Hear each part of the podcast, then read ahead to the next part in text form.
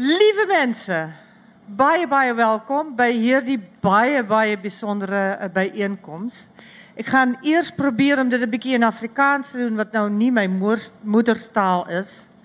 Maar nou ja, welkom bij hierdie lustmakerkie voor die uh, Sasnef uh, borrel wat ons gaan krijgen om uh, 6 uur 30. Hallo, Sasnef aanwezig. Um, jullie gesprek zal hoofdzakelijk in Nederlands uh, wees. Als jullie niet kan verstaan, zeg het voor mij alsjeblieft. Dan ga ik proberen om dit te vertalen. Um, mijn naam is Karen Benjamin. Ik ga die gesprekslijst samen met mijn collega en vooral vriendin Loes Nas. Um, en ons, het een bijzondere middag. Ons het vier sterke dames uit die Nederlandse literatuur en Zuid-Afrikaanse literatuur. Zelfs Curaçaose literatuur mag ik zeggen. Né? En um, dit, nou, die thema van die woordfeest is jong. Je kunt zien, hulle is allemaal baie jong. Misschien niet van lijf, maar toch van hart.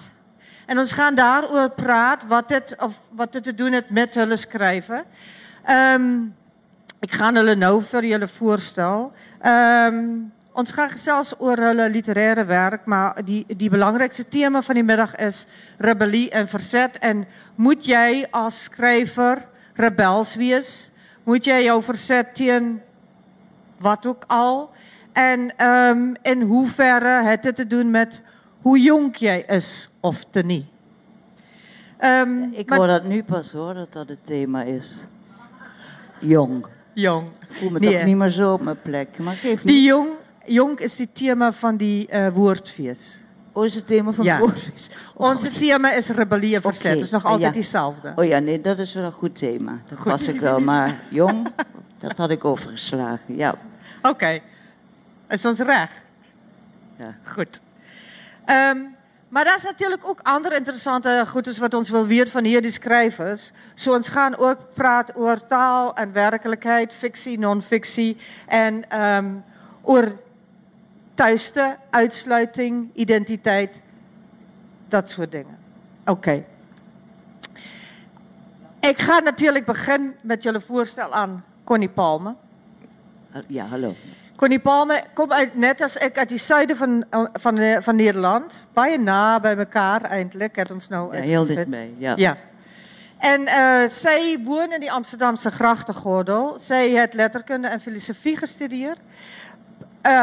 Bij, dit is maar net zo'n klein beetje van alles wat zij geschreven heeft, is hier op die tafel. Ze heeft baie, baie uh, werken. Is die best verkoopte Nederlandse schrijver ook. En het uh, baie literaire prijzen gekregen. Ik noem die Gouden Ezeloor, die ACO Literatuurprijs, Trouw Publieksprijs, prijs, Ex Libris Literatuurprijs en zo aan. Zij is schrijver, maar zij is ook uh, uh, uh, filosoof. Zij houdt baie, als ik goed heb, van Derrida en Foucault. Ja. En schrijft daarover ook in haar boeken. En... Um, daar is zelfs, heb ik nou gisteren uitgevonden, een trein genoemd naar Connie Palme. Die... Ja, dat is waar. um, ik heb er nog nooit in gezeten. Ik geloof ook dat het een beetje een belachelijke route is. Tussen Venlo en, god weet wel, Eldergat. Maar het is erg mooi, enorm portret, de Connie Palme trein. Ja. Dus ik krijg regelmatig foto's van mensen voor de Connie Palme trein. Hallo. Heel erg leuk, ik ben er heel erg mee vereerd. Ja. Oké. Okay. Naast Connie Palme zit Valda Jansen. Valda Jansen is geboren in Noordkaap. En uh, groot in die Strand. En Rukkie in Duitsland gewoon. Johannesburg toegetrekt. En nu voor een paar jaar terug Kaapstad teruggekomen. Um, zij heeft Duitse taal en letterkunde gestudeerd en uh, is uh, schrijver en journalist. Uh, zij heeft voorheen enkele gedichten gepubliceerd en haar debuut is Hij komt met die schoenlappers. En zij was, uh, daar had zij ook die proza debuutprijs uh, voor gekregen. Um, en zij heeft ook die prijs gekregen voor die beste nieuwsprogramma bij RSG. Voor haar debuutroman, die debuutprijs was die Jan Rabi rapport, uh, prijs voor debuutfictie, waarover jij baie uh, blij was, heb ik het die video gezien. Dan uh, gaan we naar uh, um, Radna Fabias. Nee, ik ga eerst naar jou, Ellen.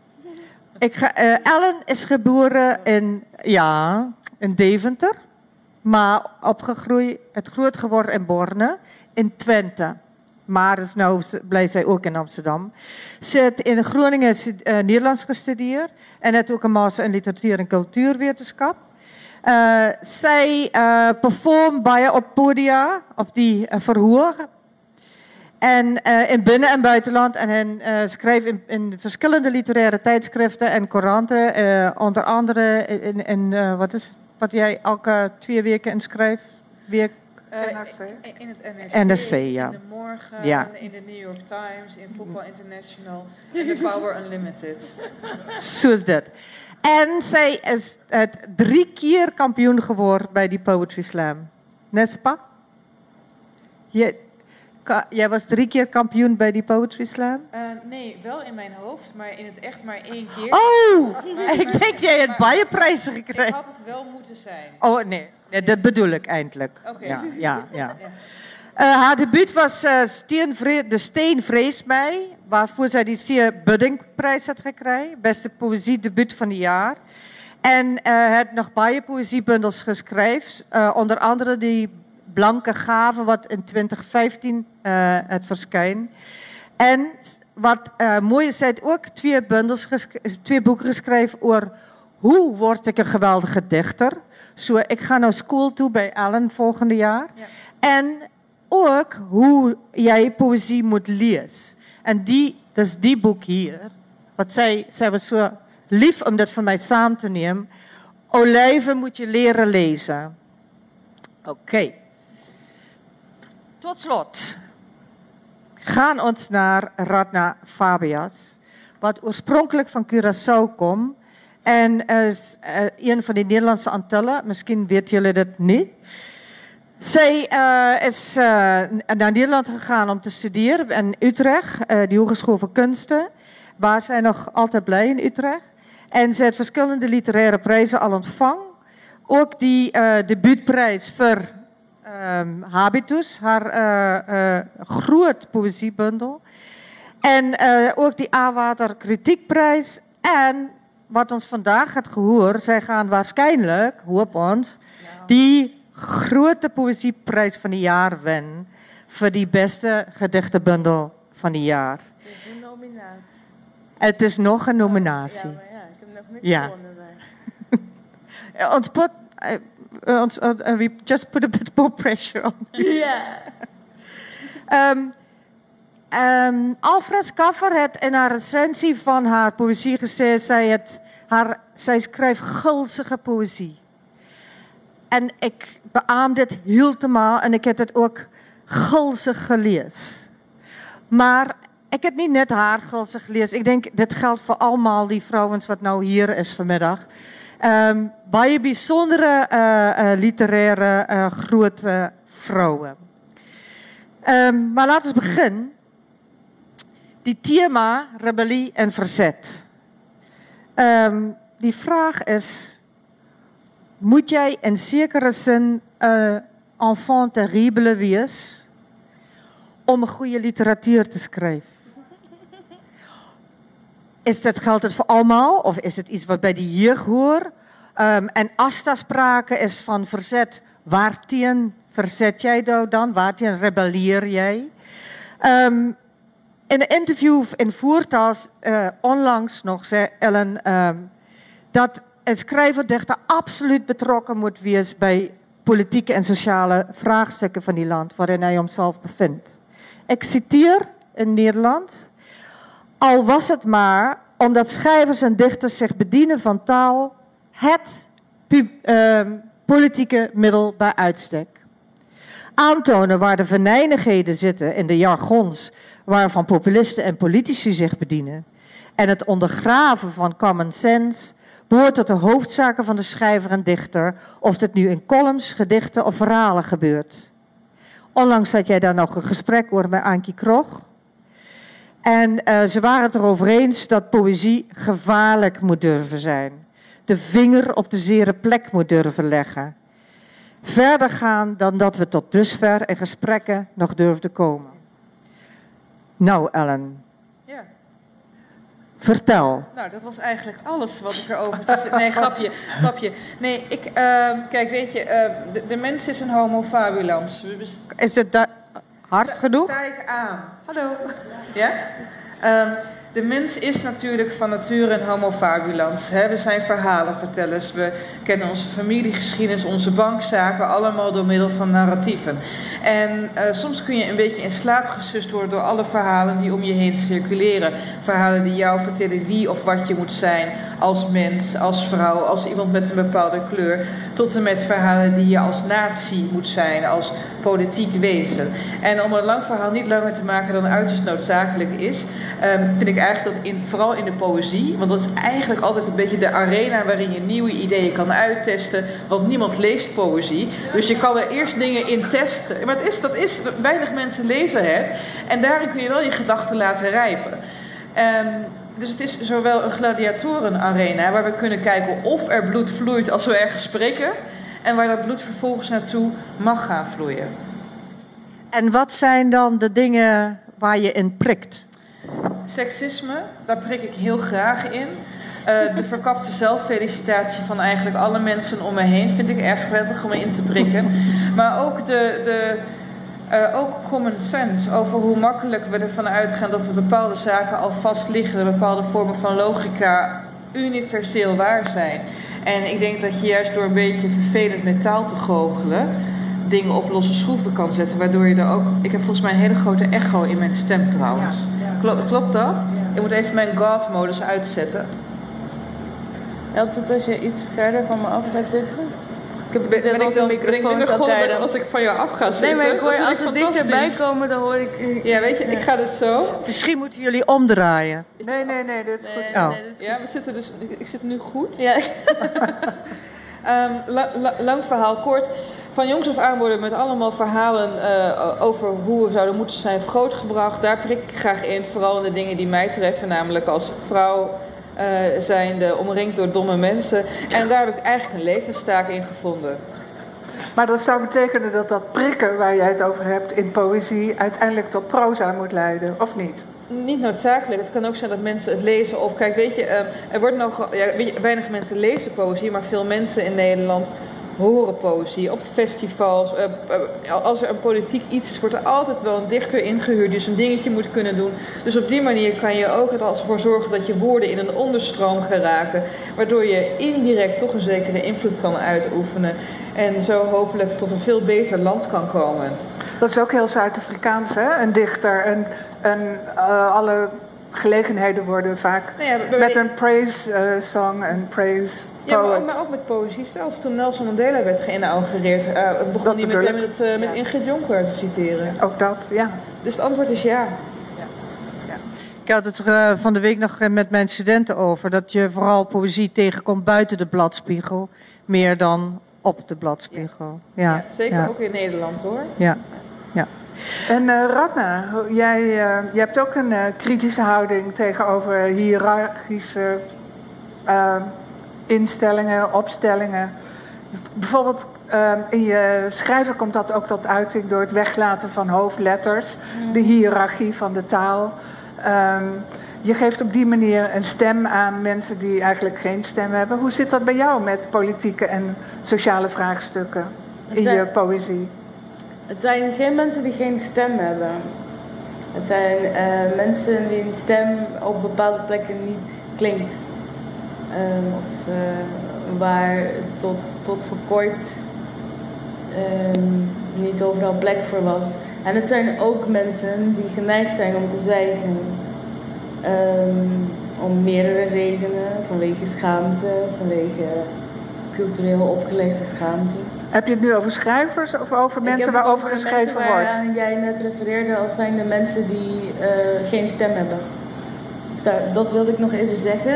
Ehm, en ik. De, de, de bravoure van Ellen deel ik niet. Ehm, ik ben wel blij dat, dat het er is. Dat dit er is. Ehm, mijn, ik, ik hou mezelf ook voor als ik schrijf dat dit niets met politiek te maken heeft, omdat ik anders niet uh, kan schrijven. Omdat ik anders verlamming ervaar en heel veel angst terwijl ik schrijf. Dus het politieke zit meer in de reactie van de lezer? Nee, de interpretatie van de lezer? zit er natuurlijk wel in. Het is puur zelfbedrog. Um, het is een trucje om mezelf zover te krijgen, omdat ik ook gevoed ben met uh, zoveel schaamte en zoveel angst. Um, dat het voor mij, eigenlijk is dat mijn grootste daad van verzet, is dat ik niet zwijg.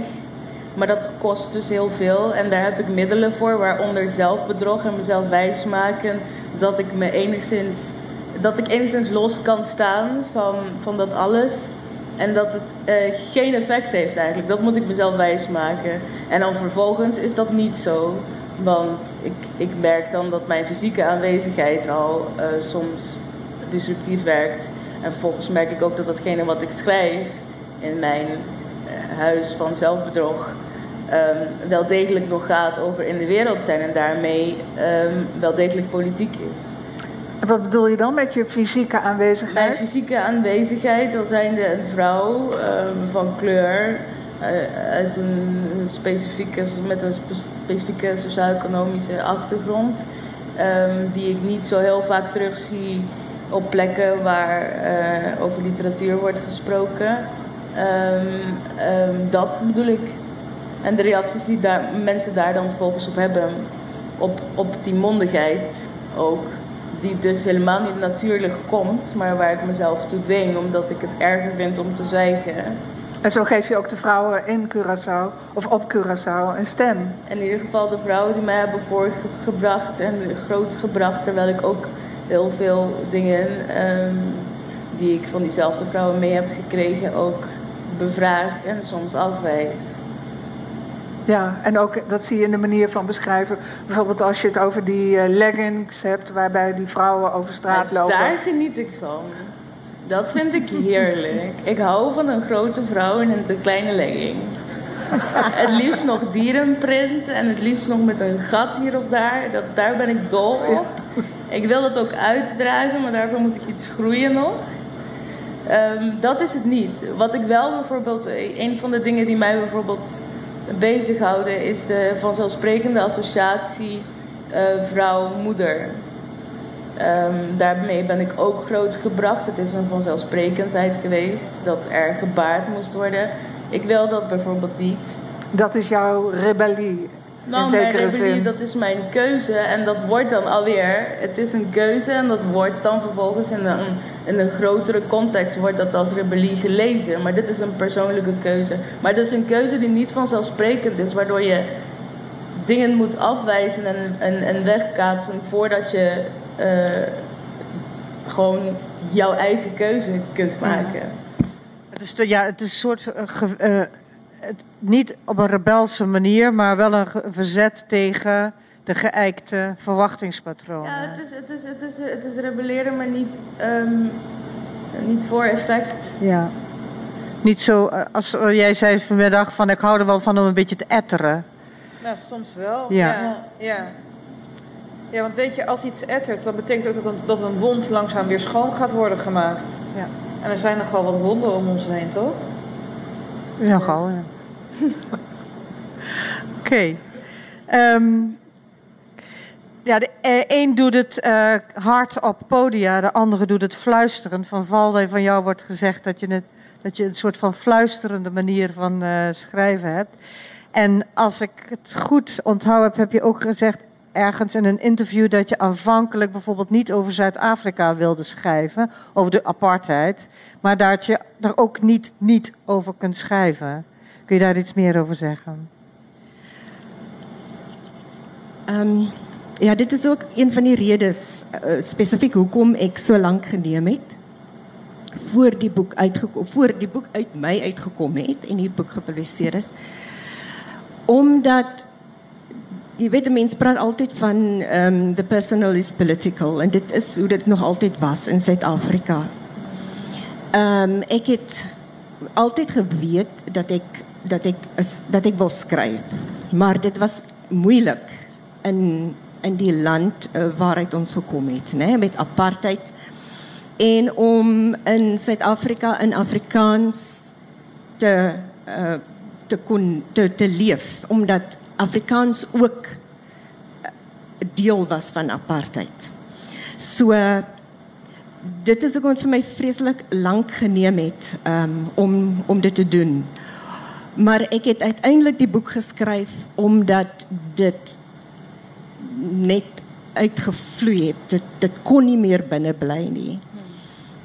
Ehm um, omdat ek uh, altyd my rebellie was teen so baie verskillende dinge. Dit was die land, dit was apartheid, dit was mense se persepsie van Afrikaans en mense se persepsie van wie ek is.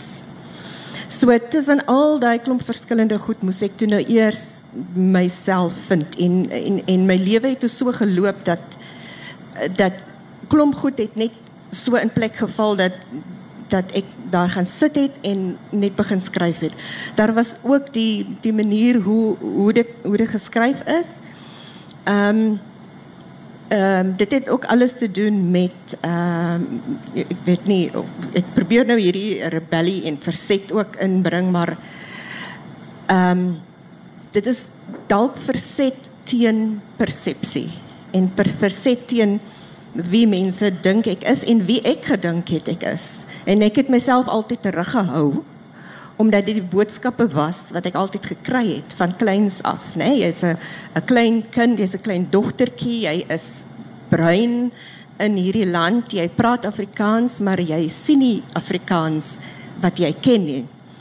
Ehm um, so uiteindelik dink ek ook dit was uh, die boek het seker ook uitgekom in die tyd wat ryp was vir hierdie boek. Mense se uh, was dalk bietjie meer ontvanklik vir vir so 'n boek om om te verskyn en ek dink dit skep dan seker ook meer geleenthede vir ander um, om om om ook hulle eie stories op hulle eie manier te vertel. Ja, en dit moet geskryf word. Ja. So jy was reg. Ja.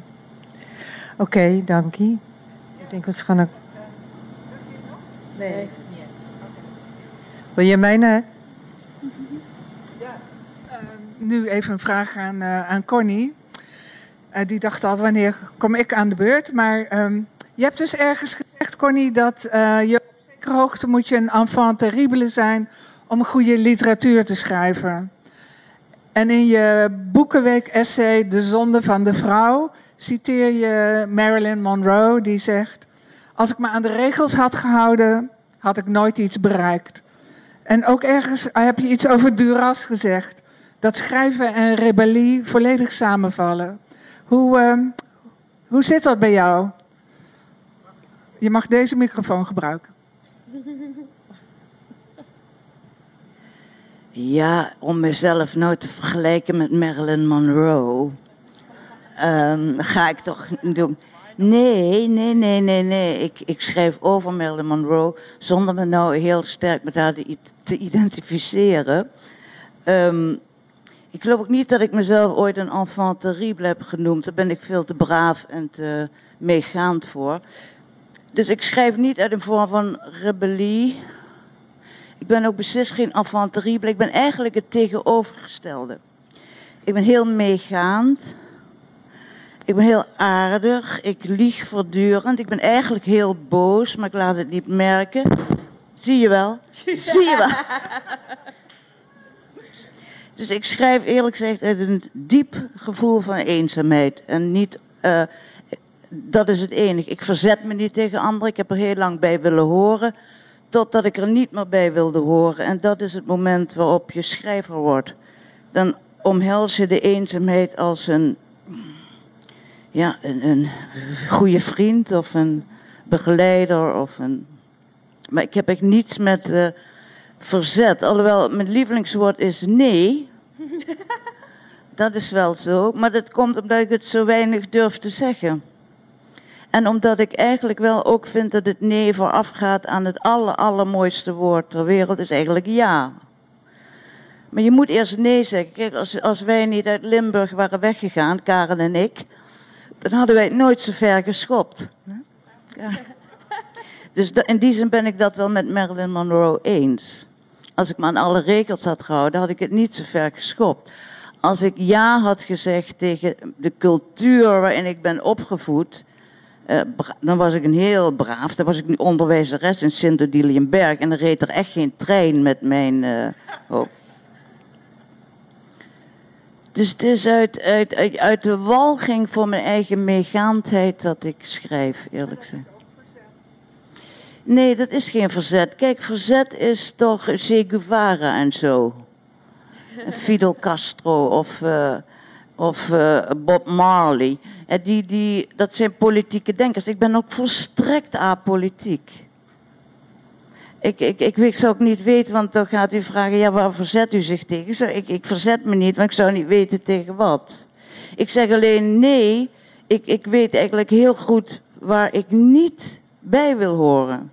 Ik wil weg van, ik wilde weg uit Limburg, ik denk, ik, ik, ik kan hier niet bij horen. Niet omdat ik er een hekel aan had, of, maar ik denk, ik wil er gewoon niet bij horen. Het gaat niet, het gaat niet lukken tussen ons. Ik zat in een lagere schoolklas met twaalf meisjes. Dat waren maar twaalf meisjes. Ik vond ze allemaal even aardig. En tegelijkertijd had ik met niemand een vriendschap. Dat is toch heel zielig. Dus ik zal maar zeggen, het is vissen in een dunne vijver, Loes. Ja. Je noemt het geen rebellie en geen verzet. Maar andere mensen zouden die term daar misschien dan wel voor gebruiken. Het is in ieder geval afzetten tegen of Nee, ook niet. het is eigenlijk heel stiekem, zonder dat iemand het ook in de gaten heeft, gewoon weg. Gewoon verdwijnen. Niet eens zeggen, jongens, ik gooi de deur dicht, ik heb het gehad met jullie. No, nee, nee, nee, nee, nee.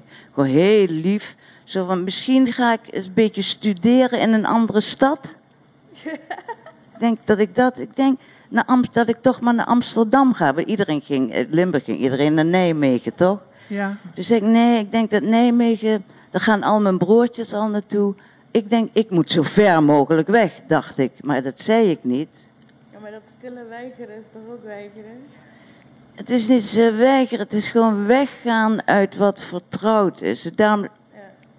daarom heb ik, ik heb een boek geschreven over wat de kunst van de roman. Dat eigenlijk elke schrijver is een, is een immigrant. Je moet datgene verlaten wat jou het meest vertrouwd is.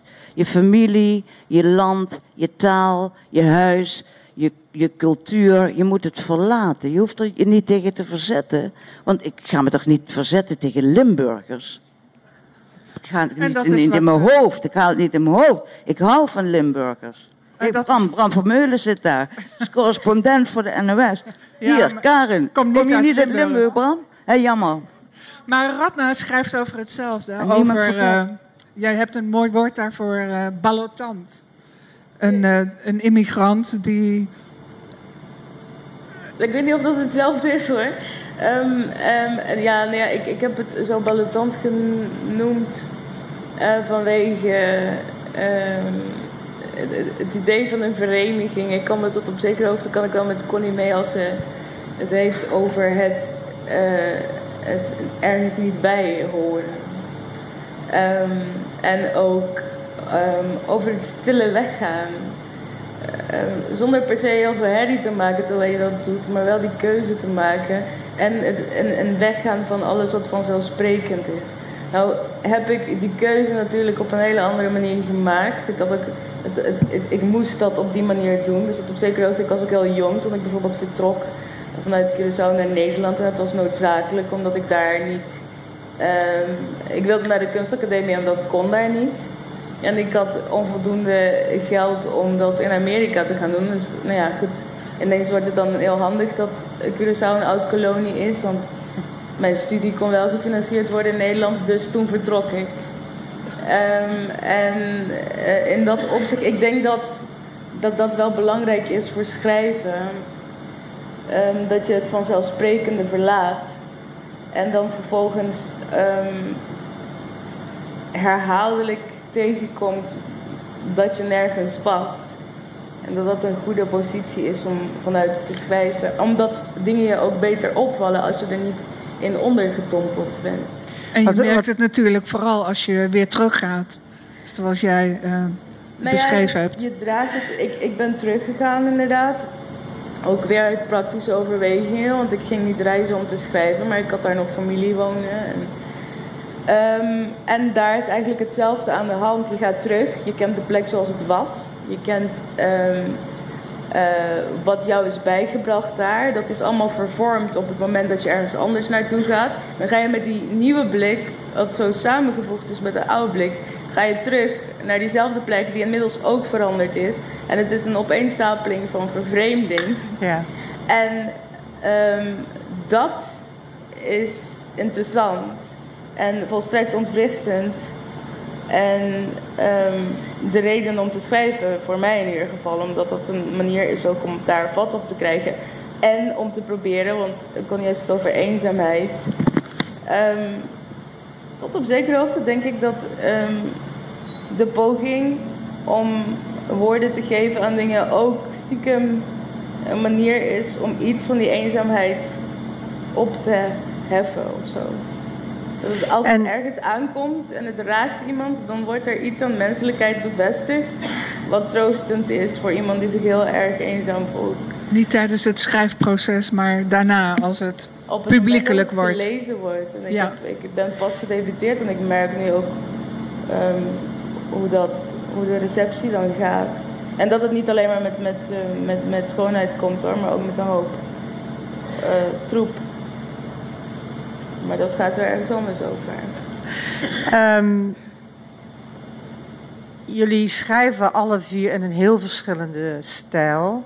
Ehm, datgene wat je te zeggen hebt, is het zo dat dat ook, dus de inhoud dicteert die de vorm? En zo ja, en hoeverre? Ehm ja, jij begint te knikken, laat ik maar Ja. met jou beginnen. Nou ja, ja absoluut. Ik, kijk, ik, ik schrijf naast gedichten ook columns. En, eh, en, en, en, eh, korte verhalen en natuurlijk boeken over hoe je een topdichter wordt. En het is echt zo dat soms heb je een idee, een concept, dat fladdert in je hoofd. Soms een aantal regels. En dan probeer je het in een gedicht te persen. En dat lukt dan niet. En dan moet je er op een andere manier uiting aan geven. En ik, ik, ik- ik beschouw eh, poëzie echt als, wel als het oefenterrein, weet je wel. Maar daar komen soms ook gewoon columns uit voort. Maar ik weet niet het met jullie zit, meiden. Ik bedoel, eh, dicteert inhoud vorm of is het... eh, Ik heb het, eh, als ik mag, ik heb het er met Valda een keer over gehad. Omdat ik, jij, jij, jij hebt een roman geschreven, maar het is eigenlijk heel lyrisch. Dus bijna poëzie. En jij zei toen ook, het kon alleen maar in die vorm. Misschien wil je daar iets eh, over zeggen?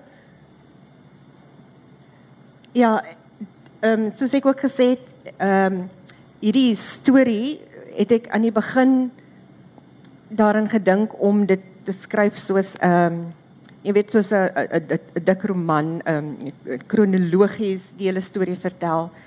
Maar net die idee daarvan het vir my was vir my te oorweldigend want daar was te veel om te sê. En ek het toe op die ou end net gaan sit en en net geskryf soos soos dit uitgekom het. Um en op die ou end het ek het dit so gewerk dat um hoe minder woorde mens gebruik, hoe meer kan jy sê. Ek hou van gedigte. Die eerste ding wat ek geskryf het uh, was was 'n gedig. Dit was toe ek 10 jaar oud was en ek het net begin gedigte skryf sonder dat ek geweet het wat dit was wat ek doen. So die woorde was altyd by my. En wanneer ehm um, en, en gedigte is vir my ook iets wat waarin ek groot troos vind. So wanneer dit met my sleg gaan of wanneer ek nie lekker voel nie, dan kan ek in die aand sit en en, en, en gedigte deurlees. En en dit dit troos my en dit help my om om jy weet om goed te verwerk.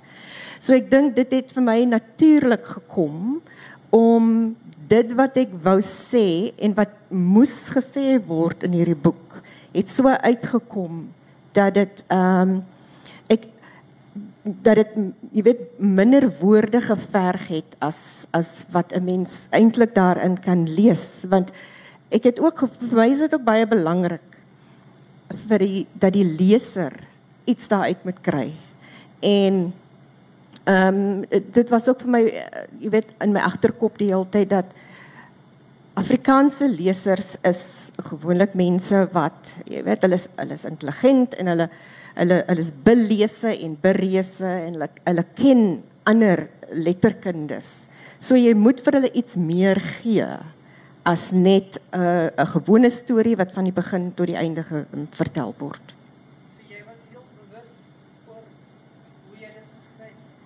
Ek dink dit was in my agterkop tot dit klaar was.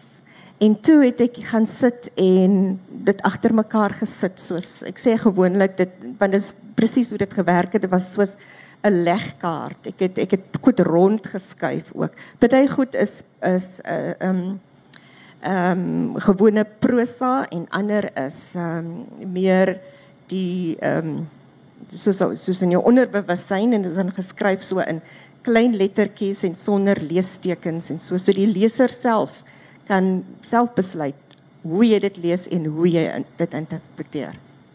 En ehm um, jammer. En Connie jy ehm um, jy is nie bang vir die roman. Jy in vir uh tekboeke skryf en hoe werk oh, wag nou, ek moet tegen jou in Nederlands praat. Oké. Dus je, uh, jouw stijl is ook weer heel anders. Uh, er wordt gezegd, het is essayistisch proza of je um, verhalend uh, essays. Nou, nee, ja, ja. Nee, ik schrijf wel degelijk romans en daar zitten heel veel ideeën achter of in, dat, dat merk je. Um, ja, en het is, het is zo logisch dat, dat, dat uh, de inhoud echt de vorm dicteert. Dat je het er bijna niet over hoeft te hebben. Ik ben nergens bang voor.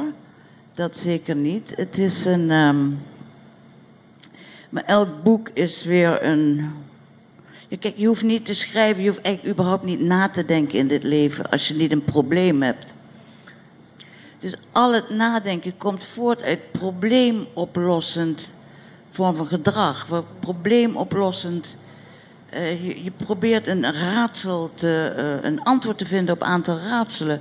En het, het knappe van, van een romanschrijver anders dan dichter. Maar een romanschrijver is veel meer bezig met wat een wetenschapper ook doet, namelijk verbanden te leggen die niemand anders legt.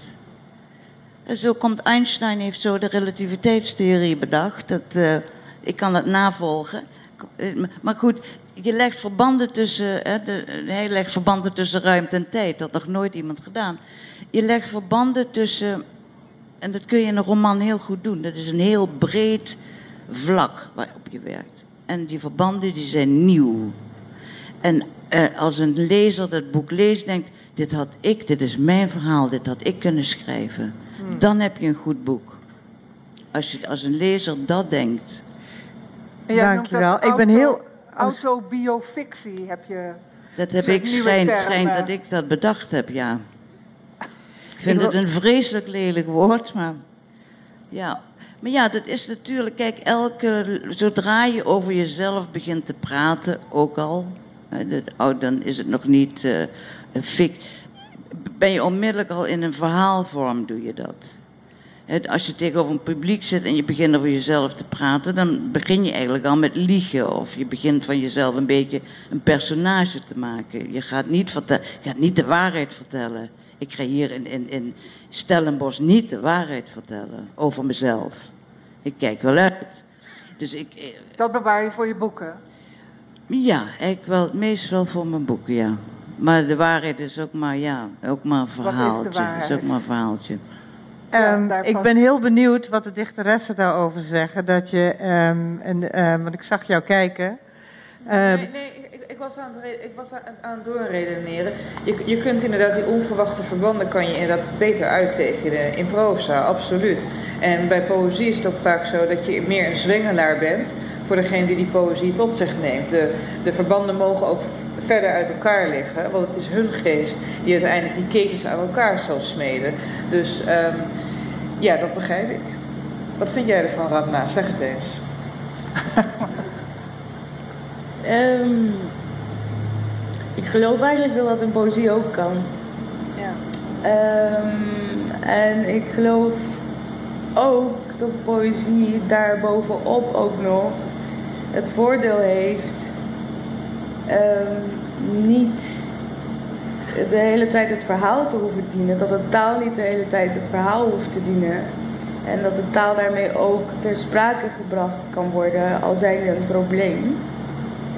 Ehm, en daar moet ik wel bij zeggen dat ik met name geïnteresseerd ben. Oh, dit klinkt wel heel dreigend nu. Horen jullie dat ook? Nee, Ja. absoluut niet. Ga door. Ja. Nu wordt interessant. Ehm, nee, ik bedoel die, die, die Zoom. Oh. Ehm, wat Oh, ik ik, was... Vond het al Ja, dat begon spannend te ook worden spannend. Ja, ik vond het ook heel spannend. Jammer. Ehm, nee, maar wat ik, Gemiste kans. ehm, de, ik ben het meest geïnteresseerd, ehm, zowel als lezer als als schrijver, in die gebieden eh, waar deze dingen elkaar overlappen of raken. Dus ehm, eh, als het dan poëzie gaat, ben ik heel erg geïnteresseerd in ehm, eh, eh, poëzie waar ook narratieve lijnen worden getrokken. En, en eigenlijk elk, elk schemergebied en elk tussengebied heeft mijn interesse. En ik heb het idee dat dat de plekken zijn waar het beste van, van beide zaken dan samenkomt en heel erg krachtig is. En waar ook heel veel vragen gesteld kunnen worden over dingen die troebel zijn. En dat vind ik dan. ehm, en ik hou van de hoge informatiedichtheid ehm, van de poëzie. En, en, en van, ehm, van hoe, hoe, het, hoe de klank dan werkt. Hoe woorden ook, ehm, hoe, hoe je ritme voelt door de woorden heen. Zeg maar. Dus, maar tegelijkertijd hou ik ook van verbanden en van bevraging. En, ik lees graag essays. En ik zou graag zien dat al die zaken dan ehm, samenkomen. Dat, dat, dat vind ik de spannendste, het spannendste werk. En ik vind het ook bijvoorbeeld fijn om een, een roman te lezen waarin de taal poëtisch durft te zijn en niet alleen maar correct, ja, zo'n brave mededelingen doet. Maar waarin het ontspoort, snap je? Gewoon die plekken waar, waar de dingen botsen. En dat heeft eh, Ellen ook een keer gezegd. Ik heb een citaat van jou hier. Wij zien de wereld alleen maar bij de gratie van taal. Ja. En de dingen die taal wel of niet aan ons openbaart. Ja, ja dat, dat- maar, maar, maar dat, dat is in zekere, althans we verwerken die, die wereld via een talige lens. En ehm, sommige dingen zien we ook niet tot er een woord voor wordt aangeleerd. En je denkt dat een dichter daar een specialer oog voor heeft dan een proza-schrijver bijvoorbeeld. Dat durf ik nu niet te beweren. maar ehm, ik, denk, ehm, ik denk een ander oog. Een ander oog. Ik denk dat in, wa- wat jij zegt, Radna, in poëzie kan je ook de taal zelf eh, bevragen door de taal op zijn kop te zetten. Misschien dat kussen er weer even tussen. In, in, in proza kan wat het ook analytisch. Je kan dwarsverbanden. Jezus, tering. In proza kan het ook analytisch en je kan dus dwarsverbanden leggen, waardoor je het discours ook deels kan gaan ontmantelen. Heeft er niks mee te maken. En merkelijk. En merk, ja, z- z- moeten we zo gaan zitten? Zo, zo. Ehm, en dat is eigenlijk alles wat ik over te zeggen heb. We zijn een beetje afgeleid Ja. eh, daardoor. Je voegt eraan toe, gedichten laten een glimp zien van het on- onkenbare. Omdat ze de mogelijkheid bieden dingen vanuit de andere invalshoek te zien. En ja, dat, eh, ik moet daarbij zeggen, kunnen eh, een glimp laten zien. Want het zijn natuurlijk ook gewoon zat gedichten waarin helemaal niks gebeurt. ja, Weet je, dat moeten we ook niet vergeten. De de poëzie denk ik wel dat het inherent mooi, waar en geweldig is. Maar jongens, jongens, jongens, wat is de taal aange- ge- misbruikt voor rotgedichten zeg? Echt heel jammer. ja, zo Maar ja, schreef je in de... geldt ook voor romans en voor essays en voor, ja, god, eh, alles wat Pieter Boskma ooit heeft geschreven. Dus ja, grapjes, grapjes, grapjes. Eh, zo had je laatst in de NRC die eh, interpretatie van dat eh, paard. Dat de hersenen lekker Oh, ja. liet knetteren. En daarin Ja. heb je precies dat eh, ten uiting gebracht wat je net zei. Nou ja, weet je, kijk, het leuke bij poëzie, je kan bepaalde vormen van betekenis elkaar tegen laten spreken. En eh, ik had een, en dan het over een gedicht van Maria Barnas, waarin ze op een gegeven moment over iemand zegt, hij draagt een holte in zich. Ik, was, ik, ik had het gedicht ge- geanalyseerd in het kader van Poëzieweek, want het was toch feest. En ik zei, nee, je kan die holte kan je opvatten natuurlijk als iets letterlijks, van hij heeft net zoutzuur tegen zich aangekregen, maar ook als iets, iets symbolisch. En verderop het gedicht blijkt er een paard in die holte te zitten. Nou, dat is vrij groot om het letterlijk op te vallen. En twee strofen verderop gaat het paard opeens galopperen en kunstjes doen. Ik denk, nou, dit, dit, klopt zo hard niet meer...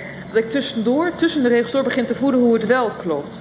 En dat is dus waar inderdaad die poëzie opeens de sluier van de werkelijkheid even. Je, kijkt naar de onderrokken van je tot dan toe waarneming. En het is best een prettig uitzicht af en toe om, om, ja, om, om in het kruis van de, de materie te kijken. En dat was Ja. het stukje in eh, de NRC, van gisteren, ja. het kruis. Ja, dat is waar ook. Ja, ik schrijf veel over kruisen de laatste tijd.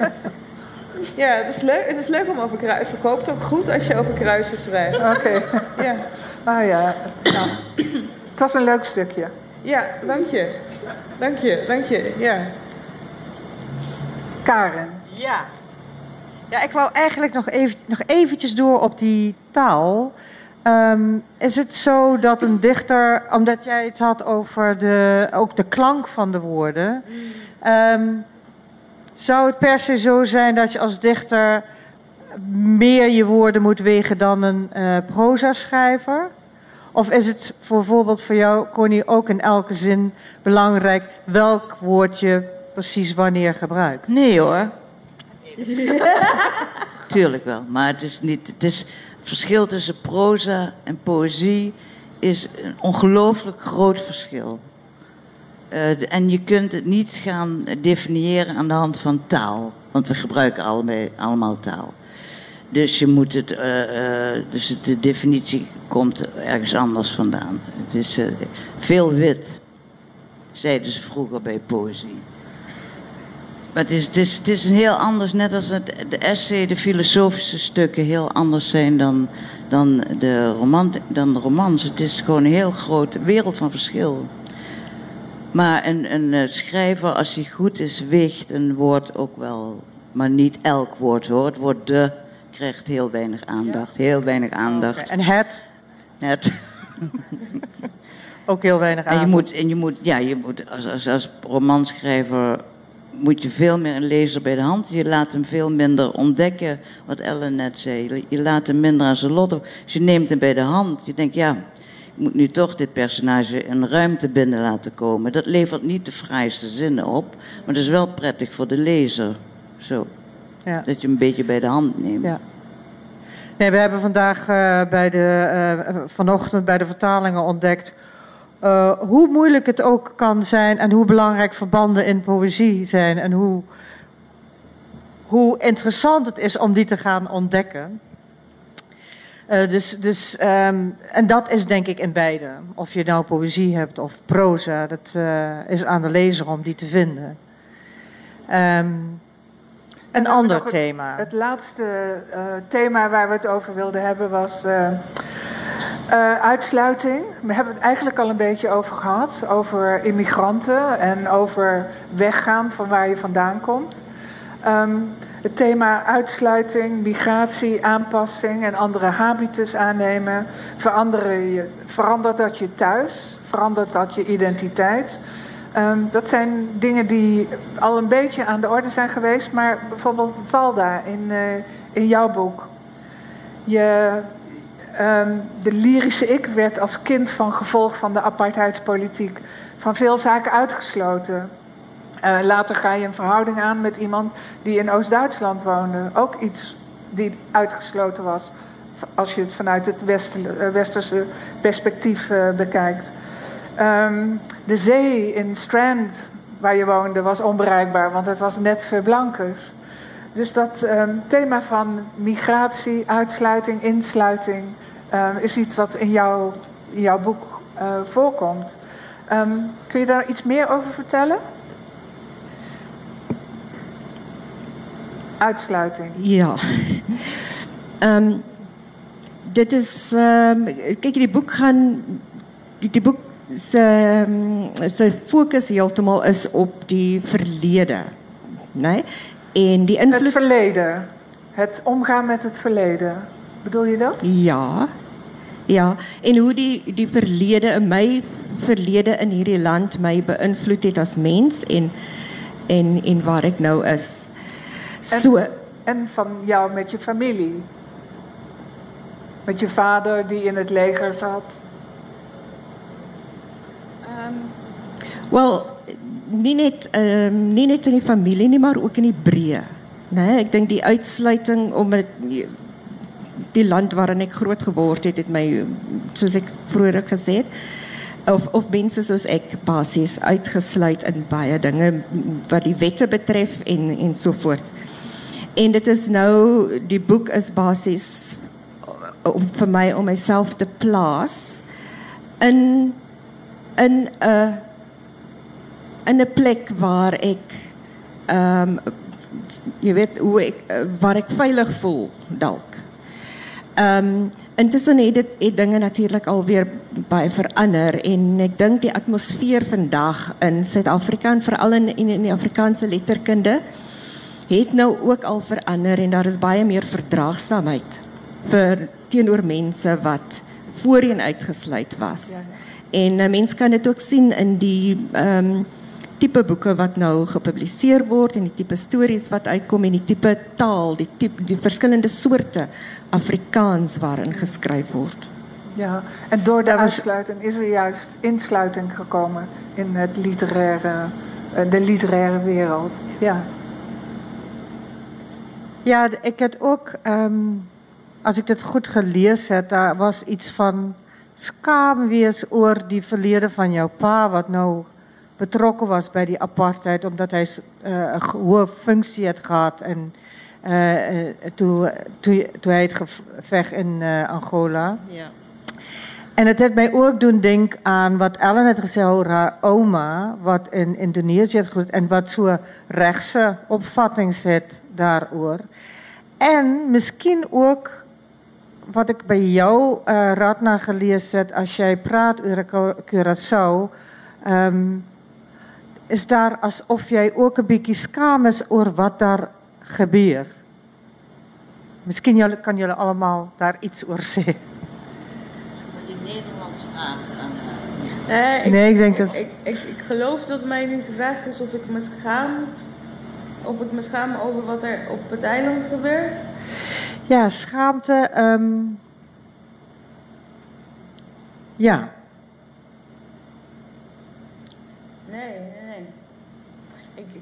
Of je ongemakkelijk erover voelen. Ja, ik, over... ik voel een soort gelijk ongemak in Nederland. Dus het is niet. Ja, um, maar dat is. Uh... Het is niet iets wat ik reserveer voor die plek. Het, um, ik, ik voel heel veel ongemak. Um, uh, de schaamte waar ik het eerder over had, die heeft niet zozeer te maken over, met hoe de dingen daar gebeuren. Uh, met, met, maar met wat mij gevoerd is. Um, uh, terwijl ik daar opgroeide. Um, welke dingen, voor welke dingen zou ik me moeten schamen? En in Nederland heb ik ook weer een portie gehad van welke dingen schaamtevol zijn en welke dingen wenselijk zijn. Ja. Die, ik denk dat als ik me nog een keer verplaats, dat ik weer een nieuwe portie kan krijgen. Um, dus het is niet plaatsgebonden. Het bestaat op elke plek. Ik schaam me niet daarvoor. Um, het is mij gewoon geleerd um, dat, er, dat er zaken zijn die als het me niet zo geleerd was. En dat heb je dan weer met blootstelling aan mensen die dat, die dat soort dingen niet gevoerd hebben gekregen. Dat je ziet, oh, maar je kunt dit ook dragen zonder schaamte. Okay. En dat gaat in, in het geval van de bundel bijvoorbeeld over iets als seksualiteit. het gaat over uh, schaamte voor um, herkenbaar zijn als, als, als, uh, als iemand die niet in wilde is opgegroeid. Um, schaamte over armoede. Hmm. wat allemaal willekeurigheden zijn waar je niet voor gekozen hebt. dus waarom zou je? Maar dat is wel wat er gevoerd wordt, snap je? Ja. En ik, het, het is, ik schaam me niet dat het zo gebeurt. Ik vind het wel heel naar en ergerlijk. En ik kan er soms ook boos over worden. Ja, misschien heb ik niet het goede woord uh, daarvoor gekozen. Maar, ja. En hoe, was het, uh, hoe, hoe, is dat voor jou dan, Valda? Want jij, jij praat over jouw pa in, in, in, uh, in die roman. En dat jij... Um, misschien niet al je pa kwam voor, maar kwam voor dat jij niet zo actief was in die, apart, in die apartheidstijd. Hoe raak ik het? Ja, um, die die feit dat my pa in die weermag was was iets wat kyk ons het dit geweet en en ons vriende het dit geweet en so aan maar dit was ek het eers toe ek groter is besef watter uitwerking dit eintlik op my gehad het. Ehm um, die feit dat ek toe nou ek toe ek die boek kon toe die boek geskryf het, kon ek toe nou aan myself erken dat hy 'n kollaborateur was. Ehm um, en dit is iets wat ek nog steeds besig is om te verwerk. Ehm um, so ehm um, maar die ander ding uh waaroor ek ook wil praat is uh, die ding wat jy sê van skaamte of iets wat 'n mens oor uh jy weet jouself 'n uh, kastei is ook die selfs die ding van apartheid dat toe ek toe my kind gebore is het ek besef dat ek eintlik skaam is om vir haar te vertel dat daar apartheid was. Al was ek een van die mense wat 'n slagoffer was van apartheid ja. dit was net daai erkenning en dit was vir my 'n verskriklike ding om voor my kind te moet gaan staan en vir haar so iets te sê dat dit is wat gebeur het in hierdie land dit is wat met ons gebeur het. En ek dink die boek is dan op op 'n manier vir my so daai verwerking daarvan nog steeds. Ja. Ehm um, jy het ook gepraat oor het ons nog 'n bietjie tyd of nie? Nee, dis amper 6 uur. Dis nou jammer te. Ek wou nou want jy gebruik in jou boek die woord uh, wat uh, mooi Duits woord uh, vergangenheidsbewältigung. Want daar is jy moet klaarkom met jou verlede soos Duitsland met die verlede uh, klaar kan kom en die onsigbare muur wat hier was is die muur in Berlyn maar ek dink wat ek by almal daar is altyd so iets as 'n vergangenheidsbewältigung want jy skryf oor jou verlede en om daarmee klaar te kom en maar dis heel ek het nog 'n halfuur daaroor maar dit maar dat geldt niet voor iedereen want het thema is tenslotte jong en ja maar als jij jong is, is het ja ook nog, dat is ook verleerd. vergangenheidsbewältigung. Ja. Is daar misschien enig iets wat jullie van elkaar wil vragen nog? Ja. Ja. Valda, hallo. Ik hoop dat ik verstaanbaar ben in het Nederlands. Uh, hoe zit dat dan dat je pas toen je een kind kreeg, dat je dan die verhalen kan vertellen? Waarom kon je dat daarvoor niet? Um, Ik verstaan nu niet wat je uh, hoe, hoe, kom, hoe kom kon je nou eerst, nou jij zelf een kind gekregen hebt, die um, daarover praat. Dit is, ik denk, um, wat zij gezegd is, oh. Uh, wacht, ik ga het eerst in Nederlands vertalen. um, zij um, voelde schaamte toen ze tegen haar kind ging vertellen. Oh, yeah. Yeah. Toen ineens kwam dat omdat ze het al moeite had om ermee Um, ja, om, om, om, om het te verwerken. Dat is natuurlijk hetzelfde als de Joden die niet aan hun kinderen vertelden wat ja. hun overkomen was in de concentratiekampen. Je schaamt je altijd over wat een ander jou aandoet. Ja. Je, hoe je behandeld wordt, hoe je een nummer gemaakt wordt, dat is schaamte. En, ja. en ik had een hele wijze psychiater, ik ben heel lang onder behandeling geweest zoals u wel begrijpt. Um, en die psychiater die was een, een, kenner van schaamte. En die had eens een opmerking gezegd, die schaamte is te weinig empathie met jezelf. Mm. En dat blijkt ook uit die verhalen, hè, dat je, eh, als je ervoor schaamt dat je slachtoffer bent geweest, betekent ook dat je niet empathie kunt voelen met slachtoffer zijn is natuurlijk niet fijn. Je wil een held zijn en een, versta je wel Nederlands, schat? Je kijkt me zo lief aan. nou ja, maakt niet uit. Als je dochter het maar begrijpt later. Um, maar dat, dat is, dat, daar wilde ik die vergelijking wilde ik even maken. Ja, ja dat is heel... Kijk, spijker op de kop. heb je dit verstaan? Heb je dit verstaan, Valda? Oké. Okay. Wou jij nog uh, iets uh, vragen iemand? Ja, of uh, ja, huiswerk. of misschien heeft Ratta nog een of vraag iemand. voor Connie of Connie voor Ellen of. Nee, dat zou gemakkelijk zijn voor jullie, zeggen. Nee, nee, ook nog... nee want het is altijd. Het is altijd. nee, ons moet, ja, ons moet. Zo jammer voor jullie, dat is niet.